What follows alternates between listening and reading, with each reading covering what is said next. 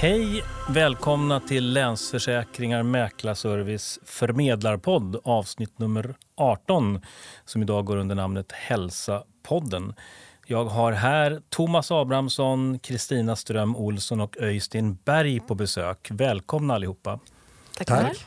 Eh, kan eh, vi ta och presentera i rummet? Thomas, vem är du? Jag är eh, affärsområdeschef för affärsområde hälsa i Länsförsäkringar. Eh, det är det jobb jag har haft längst i hela mitt liv. Jag har haft det i över tio år. Eh, vi har omsatt eh, 200 miljoner när jag började. Nu närmar vi oss 2 miljarder så det har varit en lång och jättespännande resa. Det är allra roligast just nu. Eh, vi jobbar med eh, sjukvårdsförsäkring, vi jobbar med grupplivförsäkring, sjukförsäkring och olycksfallsförsäkring. Vi är 100 medarbetare ungefär. Vi finns i ett kontor eh, på Gärdet men vi jobbar givetvis mycket med våra 23 lokala länsförsäkringsbolag. Tack för det. Kristina? Hej, Kristina ja. Jag är välfärdsanalytiker och hälsostrateg här på LFAB sedan två och ett halvt år. Och jag har jobbat 15 år med statsfinansiella analyser så att jag har ett brinnande intresse för samhällsekonomi i stort. Och sen jag kom till försäkringsbranschen för sju år så är det väldigt mycket hållbarhet också som jag tycker kommer in i alla viktiga samhällsfrågor där vi har både stora utmaningar och möjligheter i den här branschen. Mm, välkommen. Och sist men inte minst Öystein Berg. Mm, hej. Eh, jag eh, leder den avdelningen på hälsa som heter utveckling och IT och är ganska ny på jobbet och eh, kommer eh, senast från Agria som också är ett LF-bolag där det var mer djurhälsa i fokus. Nu är vi tillbaks till, eller nu jobbar vi mest med eh, humanhälsan. Humanhälsan ja. Från fyrbenta vänner till tvåbenta. Men mycket eh, ja, samma problemställning här och var faktiskt. Ja. Nej, bekant namn sedan lång tid tillbaks. Välkommen du också Öystein. Tack. Eh, ska vi börja lite grann bara fråga eh, Kristina, hur håller du dig i form på dagarna vi ska prata hälsa idag? Alla ser ju väldigt, eh, tycker jag, vältränad ut här inne, ja. men hur håller ni er i form? Vardagsmotionen, du mm. vet trappa upp och trappa ner. 10 000 steg. ja, precis. Det är väl inte alltid man kommer iväg till gymmet, som, som, inte som jag har tänkt i alla fall. Men jag har en, en god vana tycker jag själv nu när jag går upp på morgnarna och kör lite sit-ups, armhävningar och lite stretching. Det är faktiskt jättebra sätt att pigna till på. Mm. Och Thomas? Ja, till exempel så eh, drabbades jag av rätt stora ryggproblem 2001. Det är ett tag sedan.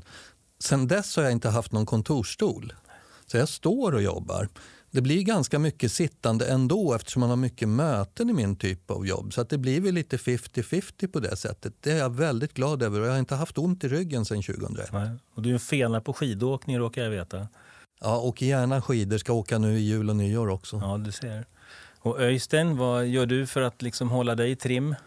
Jag eh, cyklar till och från jobb och eh, har eh, fem mil fram och tillbaka varje dag som jag cyklar. Och nu är vi inne i den här kalla mörka perioden, men ja. det kräver mer av en. Men du kör på det ändå? Det fortfarande. Ja. Precis. Ja, det, är, det, är, det är många som cyklar nu, så det verkar vara en, en populär eh, form av motion. Och vardagsmotion, det är någonting jag kan stryka under på. Eh, Thomas, ska du ta lite ton och beskriva den här marknaden? Vad är det för marknad vi pratar om? Någon form av storlek och karaktär lite grann. Vad är LFs position idag? Du nämnde några tal innan, men vad, hur stor är marknaden för den här typen av produkter och vad är LFs position? Man kan ju dela upp det lite i, i personrisk i största allmänhet. Alltså vi jobbar inte alls med sparande och pensioner och så utan vi jobbar med personriskförsäkring. Men om man tittar på det som kanske är mest intressant ur ett hälsaperspektiv det är ju sjukvårdsförsäkring och, och försäkringar eh, som ligger nära det. Det kan också vara rehabilitering, vi har mycket skadeförebyggande tjänster och så. Där omsätter marknaden ja, det är på väg mot 4 miljarder i Sverige. Eh, och vi har ju en ledande position. Man kan säga att det är vi och Skandia som är de två största aktörerna inom sjukvårdsförsäkring. Vi närmar oss då 1 miljard i premie så att vi har väl någonstans knappa 25 procent av marknaden på sjukvårdsförsäkring. Eh, sen jobbar vi väldigt mycket med gruppavtal, alltså eh, gruppliv, sjuk, eh, olycksfall. Där är ju Folksam kanske den största aktören. Men vi vänder oss till väldigt olika målgrupper. Folksam jobbar ju traditionellt med LO-kollektiven. Vi jobbar mer med anställda i företag, medlemmar i andra typer av organisationer. Till exempel Företagarna är en jättestor kundorganisation som vi jobbar med. Eh, så att vi har en stark position och en växande position inom de segment vi jobbar. Mm. Och Kristina, med din bakgrund, vad, vad, ser du som drivkrafter i, i den här marknaden som gör att de här produkterna ändå efterfrågas som, som finns idag? Är, är, är ohälsa ett problem för, för är, är, vi, är, vi, är vi, mår vi dåligt? Ja, samhällsutmaning är det ju verkligen. Om man sett på trenden kring sjukskrivningar så har ju de stuckit i höjden sedan ett antal år nu. Men eh, vi ser också att det finns en stor vilja både från arbetsgivarnas sida att ta sitt arbetsgivaransvar vad gäller arbetsmiljö till exempel. Man vill ju mm. ha personal som är friska och orkar jobba. Och eh, även hos individerna finns det en stor vilja att faktiskt se över sitt mående. Mm. Så därför är det viktigt för oss i vårt erbjudande att jobba väldigt mycket med de förebyggande tjänsterna och se till att det finns en, en bra grund och ett, ett stöd där både för, för medarbetare och för ledare. Mm. Vilka är de viktigaste drivkrafterna som då skapar vår marknad anser ni? Ja, jag anser att det finns, om man tittar på sjukvårdsförsäkring specifikt, mm. så finns det två grundmotiv till att företagen köper det till, till sina medarbetare. Och det ena handlar om arbetsgivaransvaret som Kristina beskriver. Eh, men det är också så att det är en väldigt, väldigt fin förmån för de anställda. Mm. Eh, och det gäller fortfarande även om man får en viss förmånsbeskattning nu, nu mer för sin sjukvårdsförsäkring. Så det är en väldigt, väldigt bra förmån. Vi vet ju att de som har försäkringen väldigt, väldigt gärna vill behålla den och vi mäter kundnöjdhet varje dag faktiskt på de som har skador hos oss. Så vi vet också att kunderna är väldigt, väldigt nöjda med leveransen. Eh, sen så finns det ju drivkrafter som, som växer, eh, eh, tycker vi. och Det är ju att man blir också mer och mer medveten om att man vill ha kvalitet även i skadeleveranser. Till exempel så införde vi för några år sedan att man kan inte operera våra kunder. Ingen kirurgi utan att vi gör en tredjepartsgranskning av oberoende medicinska specialister. Det är ett jätte jättestarkt kundvärde tycker jag själv också som kund. Att ingen skär i mig utan att det är granskat av ytterligare en expert. Och det är vi ensamma om i sjukvården i hela Sverige. Mm. Och den här skrönan då när folk säger att det här är bara en gräddfil, att vi eh, privata aktörer tar bara eh, resurser någon annanstans ifrån så att eh, de människorna som inte har den här typen av försäkringar de blir lidande. Hur ser vi på det då? Mm. Det är en myt. Vi kan börja med att tänka på hur stor är den privata sjukvårdsförsäkringsmarknaden? Och det utgör idag cirka 1 av den totala vården. Sen är det ju så att det är inte så att man tar plats för någon annan än offentligfinansierade kön utan man tillför ju resurser. Och då ska man se till dels vad gäller den mängden operationer och behandlingar som faktiskt genomförs via sjukvårdsförsäkringarna varje år. Sen ska man också se det eh, så att när det gäller den offentligt finansierade vården så är det ju även för de privata vårdgivarna oerhört viktigt att få eh, samarbete och få vård upphandlad genom landstingen. Och det är det primära man jobbar med. Det finns också lagstadgat.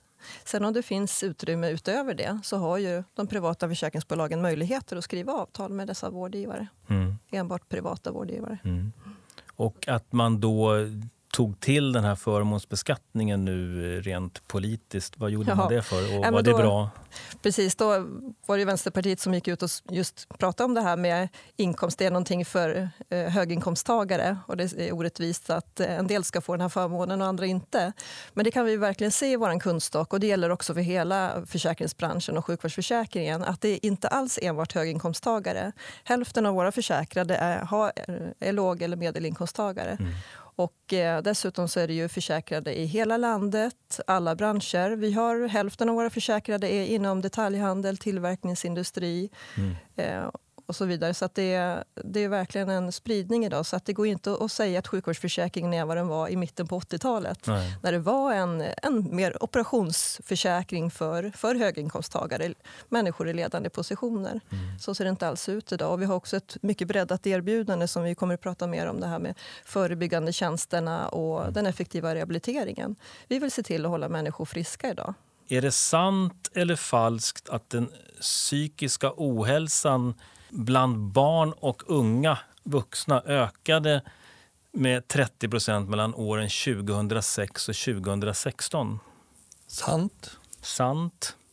Komplicerad fråga. Ja, komplicerad har fråga. Ju, det har ju varit väldigt mycket larm kring det här med psykisk Ja. ohälsa bland unga. Och det är ju väldigt oroväckande att eh, de upplevda besvären av psykisk ohälsa har skjutit i höjden Mm. rejält. Eh, Ner till 10 10-17-åringar har man ju mätt och det är en fördubbling på 10 år. Mm. Men man ser också, om man tittar lite mer och får en mer nyanserad bild av det, så vad gäller psykiatriska diagnoser så har de inte ökat över tid. Och man har också frågat, SCB har gjort en undersökning som visar att 99 procent av alla ungdomar har en positiv tro på framtiden. Mm. Så att eh, för att öka kunskap och medvetenhet kring den här frågan så har vi faktiskt haft ett samarbete från Länsförsäkringars Mm. sida med en ideell förening som heter Mind och Högskolan i Gävle där vi tog fram en rapport kring det här. Mm. Unga mår allt sämre, eller just för att få en nyanserad bild för att också kunna se vad finns det för verktyg att hjälpa. Mm.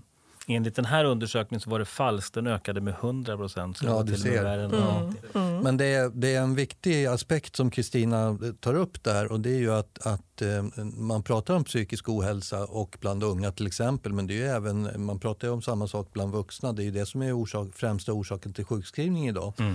Eh, Så, så är det lite diffust vad menar man med psykisk ohälsa och, och det som den här studien visade bland unga det är ju att ja, men visst man, man mår inte bra men de allvarliga psykiska sjukdomarna det är en så kallad flat rate. Den har inte ändrats de sista 20-30 åren. Det är lika stor andel. Så att det är lite skillnad på att vara psykiskt sjuk och att man mår dåligt. Mm. Mm. Eh, och det ska man ta på allvar men det blir också så att man måste göra andra saker. Man ska inte ställa sig i en lång kö till psykisk barn och ungdomsvård utan man ska få hjälp av elevhälsan eller andra resurser. Så att kunskap i de här frågorna är jätteviktigt. Mm. Jag passar på och tar en till sån här sant eller falskt. De psykiatriska diagnoserna har sedan 2014 blivit den vanligaste sjukskrivningsorsaken i Sverige och utgör idag 36 procent av alla sjukskrivningar. Är det sant eller falskt? Falskt. Falskt. Rätt svar 46 procent. Det är Ja. nästan varannan eh, diagnos som gör att man är dags. Och det, det tyder väl också på något sätt att det är klart att det inte är de traditionella ont i ryggen eller att man har andra saker som gör att man behöver hjälp. Och för mig blir det viktigt då att företräder man Länsförsäkringar som kundägt bolag så är det ju våran eh, någonstans mission långsiktigt misstänker jag att försöka eh, hjälpa till i det som vi ser framför oss ändå. Eh, Wille Öystein, vill du berätta någonting? Vi, jag misstänker att när vi bygger ett erbjudande så gör vi det inte helt själva. Vi har vårdgivarnätverk och vi skapar unikitet. Eh, Hur, hur- hur ser vi på erbjudandet? Liksom? Vad, vad, är, vad är det vi ser högst upp på agendan och framåt där? Ja, vi har ju eh, den här, en stor komponent i vårt erbjudande är ju det vi kallar för hälsoportalen eh, idag. Eh, och den kommer ju att kräva av oss att vi har, och vi har redan idag en del externa eh, tredjepartsleverantörer in i, i den. Och där ser vi ju i framtiden också att det, det är väl ett, ett erbjudande som, må, som blir viktigare och viktigare för oss att vi har förebyggande vård där vi kan motivera och belöna folk som faktiskt lever ett, eh, ett hälsosamt liv. Eh, Så, så det, det får vi jobba hårdare med. Mm. Mm. Jag kan väl komplettera just den där lite med att, att eh, eh, som, som försäkringsbolag så eh, har man ju ibland en, en tendens att ha väldigt glest i kontakterna med sina kunder. Eh, fakturan, Mm. självklart, en gång per år. Eh, men sen så, så eh, inträffar det ibland skador och de är jätteviktiga förstås att vi tar hand om på ett bra sätt. Men vi vill ju ha en mer kontinuerlig kontakt och dialog och bygga relationen med våra kunder. Eh, och det har vi på senare år lagt ganska mycket krut på att vi försöker åstadkomma värde som inte förutsätter någon skada hos kunderna.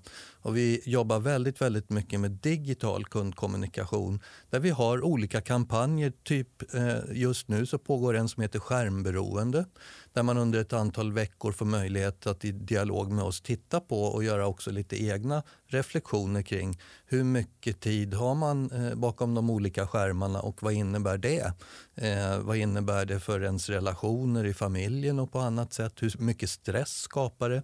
Eh, den typen av, av aktiviteter och hjälp till våra kunder som inte har med, med någon skada att göra utan som handlar om att försöka hjälpa kunden kontinuerligt och skapa värde för kunderna. Det är jätteviktigt för oss. Mhm. Kristina, du brukar vara ute och resa i våra 21 län och besöka våra länsförsäkringsbolag och vara med i mm. olika paneldebatter. Eh, vad hör du eh, utifrån det här kundperspektivet kring behoven och har du några goda exempel som du vill lyfta fram? Oj, ja, det, först och främst finns det ett oerhört intresse. Man märker det både kring frågan om psykisk ohälsa, för alla har antingen blivit drabbad, har anhörig eller mm. medarbetare som, som är drabbade, men också när det gäller osäkerheten hos arbetsgivare kring arbetsgivaransvaret. Så mycket diskussioner kring arbetsmiljöfrågorna. Och när det kommer till eh, livsstilens betydelse för hälsan så eh, finns det en, eh, också en stor nyfikenhet får man väl kalla det, kring nya digitala lösningar. Så där försöker vi vara på. Hur kan vi skapa lärdom och insikter kring de här möjligheterna som vi har framför oss? Mm. Så att vi försöker dels vara med i olika innovationspiloter, inte bara vi på LFAB utan andra länsförsäkringsbolagen också externa kontakter och företag och, och blanda in också forskare så att vi är många som kan samarbeta och skapa den här lärdomen och insikten. Mm. Eh, och om man tar, det finns ju någonting som vi brukar kalla ibland för personligt samtalsstöd och vi har olika baserade webbprogram. Och hur, hur, hur, förhåller vi oss? Berätta lite mer om det. Vad innebär det för om jag skulle vara ett, en företagskund nu? Eller vad, vad är det för tjänster som, som jag kan åtnjuta när jag, när jag köper de här tjänsterna?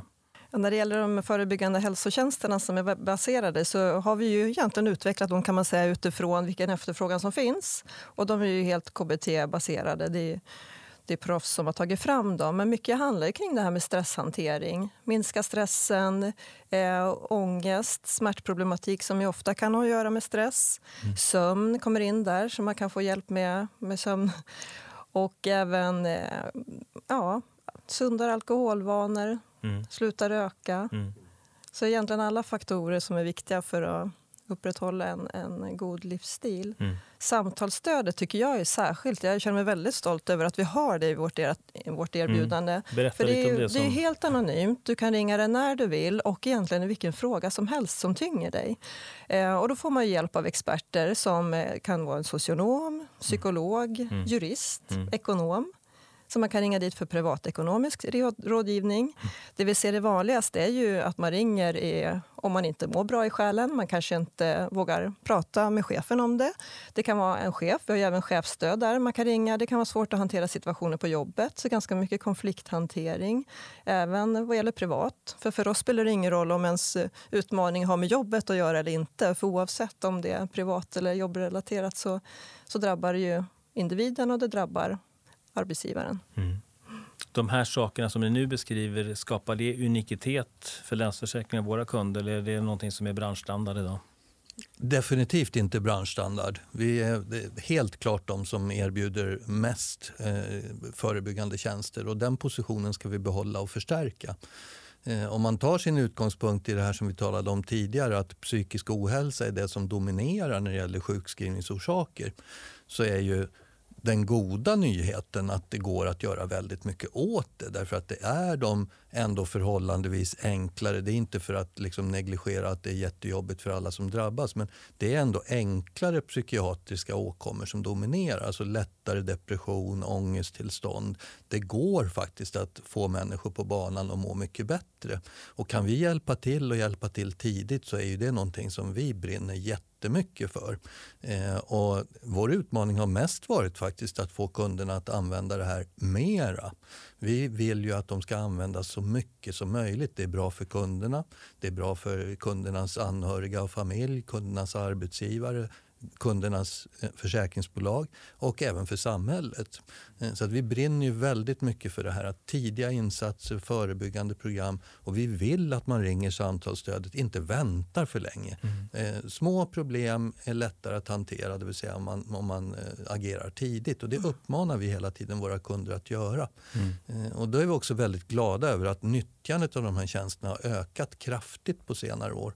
Eh, och vi ska fortsätta den, den resan och det finns ingen av våra konkurrenter, tittar jag lite på eh, mina kollegor här som är i närheten av det, det utbud på, på hälsoförebyggande tjänster som vi har. Mm.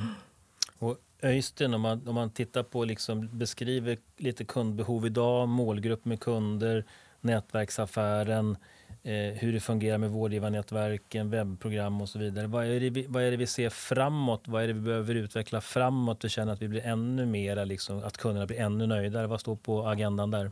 Vi ser ju otroligt mycket utveckling kring det här med eh, liksom kundresan efter att ett symptom eller en skada har uppstått. Där det är mycket datorstöd, AI eller machine learning teknologi inne för att ge rätt vård i rätt tid. Eh, det, det, är, det är nästan veckovis vi har möten med entreprenörer och företag som vill erbjuda sådana tjänster för oss. På den andra sidan, på, på hälsoportalen, så ser vi också otroligt mycket att eh, KBT-program blir mobila. De finns i mobiltelefoner så det hela tiden. Mm. Om du ska rökavvänjning för exempel så, så är det så lätt att ta till istället för att springa in på datorn och logga in och göra mm. det här. Så Mobilanpassade lösningar. Jättemycket mobilanpassade mm. lösningar. Vi ser också väldigt mycket eh, program som belönar aktivitet eller belönar ett rätt levnadssätt eh, är på, på gång på många ställen. Hittar man oss i App Store idag eller motsvarande telefoner? Inga sådana, när ser vi det första gången? Ja, det är bra. Jag ja. hoppas väl någon gång under 2019. Ja, det hoppas bra. jag det kommer ja. en, en bra Härligt. mobilplattform för det här. Ja. Och det är dit, det är där kunderna någonstans också har vant sig att, att utnyttja. Vi hade ju själva, kan nämna i mäklarservice till vår egen personal, en, jag tror det var åtta veckors utmaning här i våras när vi ändrade beteenden kring hur man tog sig till jobbet och fick belöningar och hade teamutdelningar. Det skapade jättemycket energi och förståelse och insikter som gjorde sen att det där tar man med sig in i hösten. Och det är flera som har ändrat beteendet på grund av att man ser liksom de goda exemplen växer fram. Och därigenom så, så förhoppningsvis behöver man inte utnyttja försäkringen heller utan det handlar om att, att jobba med beteenden. Kristina, du var på mm. gång att säga något. Nej, jag skulle bara koppla an till det Thomas sa det här är i allra högsta grad en hållbarhetsfråga också. Och om vi bara kort tar hållbarhetsperspektivet utifrån det. Så om man tittar på FNs globala mål så har vi mål 3 som är hälsa och välbefinnande. Och där finns det delmål som är tydliga kring att vi ska minska andelen människor som som lider av eh, icke-smittsamma sjukdomar. Och för oss i Sverige så handlar det oerhört mycket om livsstilssjukdomar. För idag är det ju väldigt många som har diabetes, eh, högt blodtryck, eh, övervikt som de lider av, eh, hjärt-kärlsjukdomar och så vidare. Och en väldigt stor andel av det här kan undvis undvikas. Mm. Globalt säger man att 80% av livsstilssjukdomarna kan undvikas. Så vi kan verkligen göra någonting här. Och ett annat delmål handlar om eh, också att minska psykisk ohälsan. Så främja hälsa och välbefinnande men också minska eh, olika former av drogberoenden. Mm. Och för oss är ju det här en naturlig del i försäkringen. Och därför är det också viktigt för oss att ha den här helheten som vi har. Med de förebyggande tjänsterna, rätt vård i rätt tid, men också rehabiliteringen. Och rehabiliteringen tycker jag också är särskilt intressant för att den är ju verkligen effektiv och man har möjlighet att få hjälp i så tidigt skede. Det här är ju en utmaning i den offentligfinansierade vården idag. Mm. Man får vänta alldeles för länge och vi vet att när det gäller psykisk ohälsa så är det otroligt relevant att vi får tidiga insatser. Annars är risken att man fastnar i lång sjukskrivning. Och det kan vi se i sjukskrivningsstatistiken idag också. Vi har ett stort problem med väldigt långa sjukskrivningar. Mm. Eh, men där kan vi hjälpa en individ egentligen redan innan den blir sjukskriven.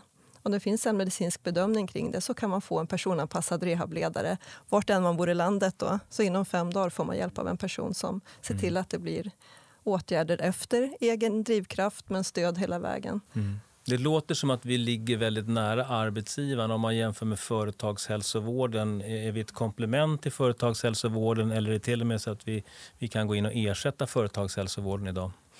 Ja, det är väl både och. Vi, vi ser det som ett bra komplement och i vissa fall naturligtvis ett substitut. Mm. För att vi har, vi har det man behöver i många av fallen för att kunna ta sitt arbetsgivaransvar. Mm. Sen finns det, ska man naturligtvis vara ödmjuk inför företag med särskild verksamhet som är riskutsatt i olika former där man måste också se till att göra till exempel särskilda hälsokontroller och så vidare. Mm. Och då måste man ju ha kunskap om vad det är för, för någonting man behöver säkerställa för personalen där. Mm.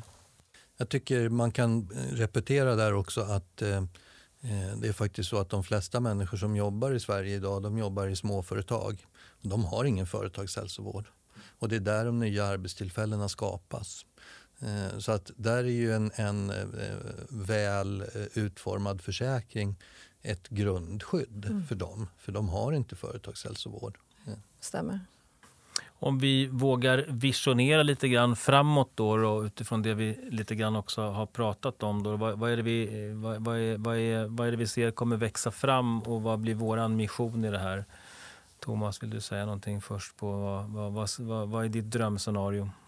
Ja, vi har ju eh, alldeles eh, internt sådär ändå en, en mission som vi skulle vilja jobba mera eh, på riktigt med och det är att vi säger att vi vill göra Sverige friskare. Eh, det är på något sätt det som vi, eh, som vi brinner för. Vi vill liksom vara en, eh, en av flera eh, goda aktörer för att förbättra folkhälsan. Det, det kanske låter pompöst, men alltså Länsförsäkringar har ett väldigt starkt samhällsengagemang. Vi vill att vårt varumärke i framtiden ska också innehålla väldigt mycket av det. Vi gör Sverige friskare.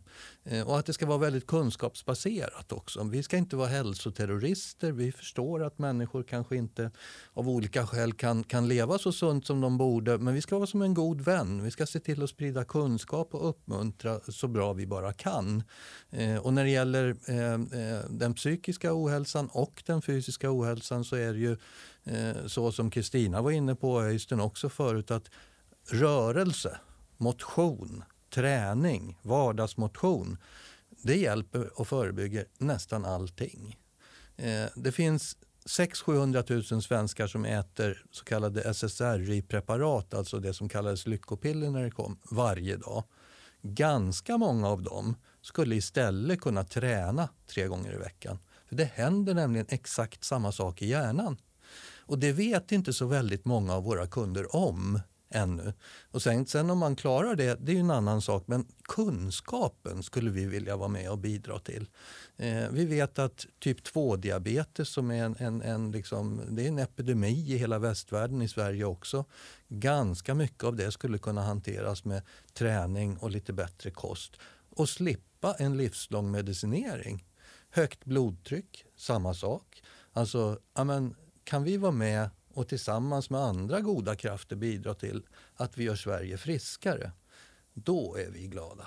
Är det till och med så att det, de beteendena kommer bli premieargument, vilket det delvis redan är inom livförsäkringar idag?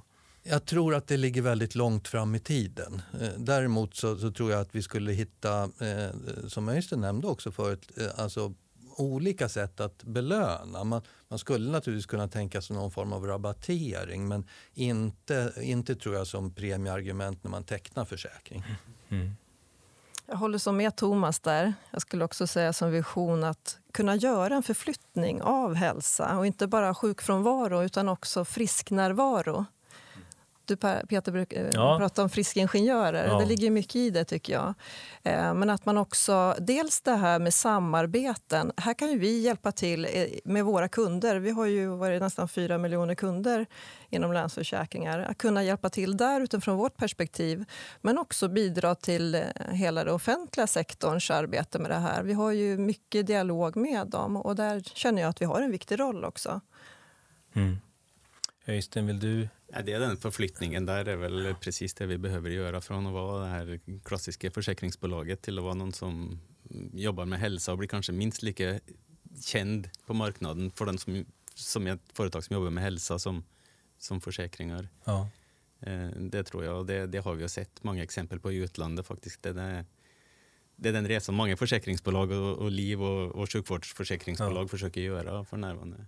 Nu misstänker jag att ni är så strukturerade så ni har redan köpt eventuella julklappar. Någon har kanske köpt det som blir årets julklapp som är lite grann att eh, ta second hand in i, i vardagsrummen igen. Och, och, det finns intelligenta julklappar, det finns hårda och så vidare. Men om ni skulle få öppna en julklapp till er själva 2019 om ett år utifrån vad skulle ni vilja se i verksamheten skulle ha hänt som ändå är liksom både påtagligt och konkret och som ni vet liksom ligger inom ramen för att det här kommer nog hända.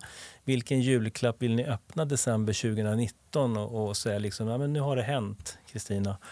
Vad, vad, är det för Oj, julklapp du vill ja, veckla upp där? Uh, jag tror kanske, vi har ju också, vi vill ju leva som vi lär och jobba även internt med hälsofrågorna. Se till att vi mår bra som anställda också. Det är ju, om vi mår bra då kan vi lättare hjälpa våra kunder att må bra. Jag skulle vilja se när man träffar kollegor i trapphuset om ett år att de eh, har gjort det där som de idag frågar om. Jag kommer ut och lite grann pratar internt om hälsofrågorna och arbetsmiljö. Att mm. vi har faktiskt tagit, gjort en förflyttning internt också till en ännu friskare och hälsosam organisation. Mm. Thomas? Jag får väl stjäla Öystens punkt då, för att den är faktiskt den jag helst av allt önskar mig att om ett år då kan jag stolt redovisa att vi har 20 000 kunder som använder vår nya app med hälsoförebyggande tjänster med mycket träningsmoment, eh, aktiviteter i övrigt eh, och att de ger den fem stjärnor på en femgradig skala när vi utvärderar den. Mm. Just det, nu tog Thomas din punkt. Har du någon annan julklapp som du vill veckla upp? Ja, men det är väl att vi klarar att hitta de friskvårdsaktiviteterna som faktiskt motiverar folk. För det, det är ju det som är svårt. Liksom. Det är roligt i början när du tankar ner en app och så var det en månad eller något sånt så är man trött på det. Men att vi faktiskt har, har hittat de här eh, aktiviteterna eh, som faktiskt folk vill fortsätta med. Våra kunder vill fortsätta med och hålla sig igång med. Mm. Just det, du brukar ju prata om det här också med att hitta triggen, drivkraften hos var och en. För vi är så otroligt olika vad det är vi lyfter oss ur soffan för. Mm. Att hitta den. Ja, och det, är, det är en vetenskap och en, en resa vi får göra innan mm. vi är där. Vem vet, det kanske blir en realityserie i TV4 kring Länsförsäkringars mission att få det friska folket att liksom leva upp. Det är inte mm. helt otroligt. Vem vet, eh. vi kanske inte har några stolar kvar på LFAB om ett år. Exakt. Nej, nej, jag har inte heller någon stol. Jag har stått och jobbat också länge. Eh, är det någon fråga som jag borde ha ställt som ni känner så den vill jag ju svara på men den fick jag ju aldrig för det var något viktigt budskap här var ju om du ville prata om förmånsbeskattningen. Om ja, det var en viktig fråga. Ja, men det, det kanske är det ändå. Jag, fick, jag har ju själv en sjukvårdsförsäkring och jag fick ett meddelande och jag ser ju på lönebeskedet att det har hänt någonting. Det har kommit upp någonting som fanns där. Så att, eh, det är väl jättebra att vi tar med förmånsbeskattning. Vad innebär det i praktiken med den här förmånsbeskattningen? Hur påverkar våra kunder och vad har vi varit tvungna att göra för att agera annorlunda? För det första så var det ju väldigt kort eh, framförhållning. Alltså man fattade beslut i riksdagen 16 maj. Eh, och så trädde skatten i kraft 1 juli. Det är alltså, vi pratar bara om fåtal veckor. Eh, den anpassningstiden är ganska svår för försäkringsbolag att hantera. Så att vi har ju fått styra om ganska mycket av vår verksamhet för att hantera det här med information till kunderna framför allt på, med väldigt kort varsel. Och vi har ju kunder som har så kallade förfallodagar löpande under året och så. Så att det gick ju väldigt fort till första kunden så att säga drabbades av förmånsskatt. Eh, sen har vi då jobbat eh, eh, väldigt mycket tillsammans med Svensk Försäkring för att försöka reda ut vilka delar av försäkringen som är förmånsskattepliktig. För förebyggande saker är det inte och rehab är det inte. Så att av vår försäkring så är det 70% som är förmånsskattepliktig. Då. Eh, och sen så har vi gjort en massa saker kring det och så småningom fått även Skatteverket att bekräfta att eh, ja, men de delar vår syn på vad det är som är skattepliktigt och inte. Eh, sen har vi gjort lite bedömningar om vad det kommer att innebära mer affärsmässigt för oss. Det vill säga kommer vi att tappa en massa kunder. Eh, vi trodde eh, på en lite mindre andel förlorade kunder än vad Svensk Försäkring trodde och än vad regeringen gör, gjorde för de hade också siffror i propositionen. Eh, men även de bedömningar vi gjorde eh, har vi inte kommit i närheten av. Det är ett fåtal kunder faktiskt som har slutat på grund av förmånsbeskattningen. Eh, och eh, vi tror att det beror på att det är ett väldigt högt kundvärde. Eh, och vi tror också att det är så här att om man som anställd har en arbetsgivare som betalar någonting som, som ändå kostar 500 kronor i månaden och så får man själv en, en skatt på 150 så är det en ganska bra förmån fortfarande. Man tackar inte nej till en lunchförmån heller även fast den är skattepliktig. Så att vi tror att den här typen av försäkring har så högt värde så att kanske Eh, det är ju early days än, så kommer det inte att vara så väldigt många kunder som slutar ha försäkringen. Eh, sen har vi gjort eh, också anpassningar i våra produkter så att vi också kan erbjuda helt förmånsskattefria lösningar, det vill säga bara förebygg och rehab eh, för de arbetsgivare, företag som ändå vill ta de arbetsgivaransvaren som följer av det. Eh, och sen så, så märker vi att ja, men, Eh, Eh, I ett stort företag så kan det vara några som tycker att ja, men de vill inte betala den här skatten och då måste ju arbetsgivaren ändå kunna ha arbetsgivardelarna i försäkringen. Så att vi har delat upp produkten för att kunna hantera skatte, den, den nya skattelagstiftningen. Eh, och sen så finns det ju eh, oklarheter huruvida den här beskattningen då skulle rivas upp och vi har ingen regering än och vi har en budgetproposition eller en budgethantering som pågår just nu. Den kanske är klar nu när vi slutar den här podden. Eh, min egen uppfattning har varit hela tiden att jag tror väldigt lite på möjligheten att man river upp det här. Eh, därför att man brukar införa skatter, det är ganska lätt men det är ganska svårt att ta bort dem. Eh, det säger historien. Vi hade på trafikförsäkring för ett antal år sedan, då skulle vi få ett större ansvar i branschen och då skulle det istället vara en skatt. Skatten infördes men i övrigt hände inte det man hade sagt ifrån politiskt håll. Mm. Skatten är fortfarande kvar. Så vår utgångspunkt och vår tro det är att den här skatten kommer att finnas kvar. Vi är däremot inte så säkra på att det innebär jättemycket negativt för, för utvecklingen av den här affären för att kundnyttan är så stor. Mm. Jag kan göra ett tillägg bara till det Thomas säger. att Vi har ju haft ett eh, genomgående samarbete i branschen i den här frågan just så att via då Svensk Försäkring. Så att vi har sett till att vi har samma bedömningskriterier för den här proportioneringen av förmånsbeskattningen. Men eh, jag har väldigt goda dialoger med, med, med offentliga företrädare men just i den här frågan så är det väldigt illa kan man säga att man tog fram den här propositionen så snabbt. För den är också väldigt illa underbyggd. Det är inte korrekt fakta i den. Och vad är det, vad är det för problem med det? Då? Jo, det är ju dels problem med att man röstade igenom den men också att det är väldigt svårt att göra proportionering nu. Det är väldigt svårt att förhålla sig till det som är skrivet i den. Så det kommer att vara utmaningar både för, för branschen men också för Skatteverket åren framöver i det här arbetet.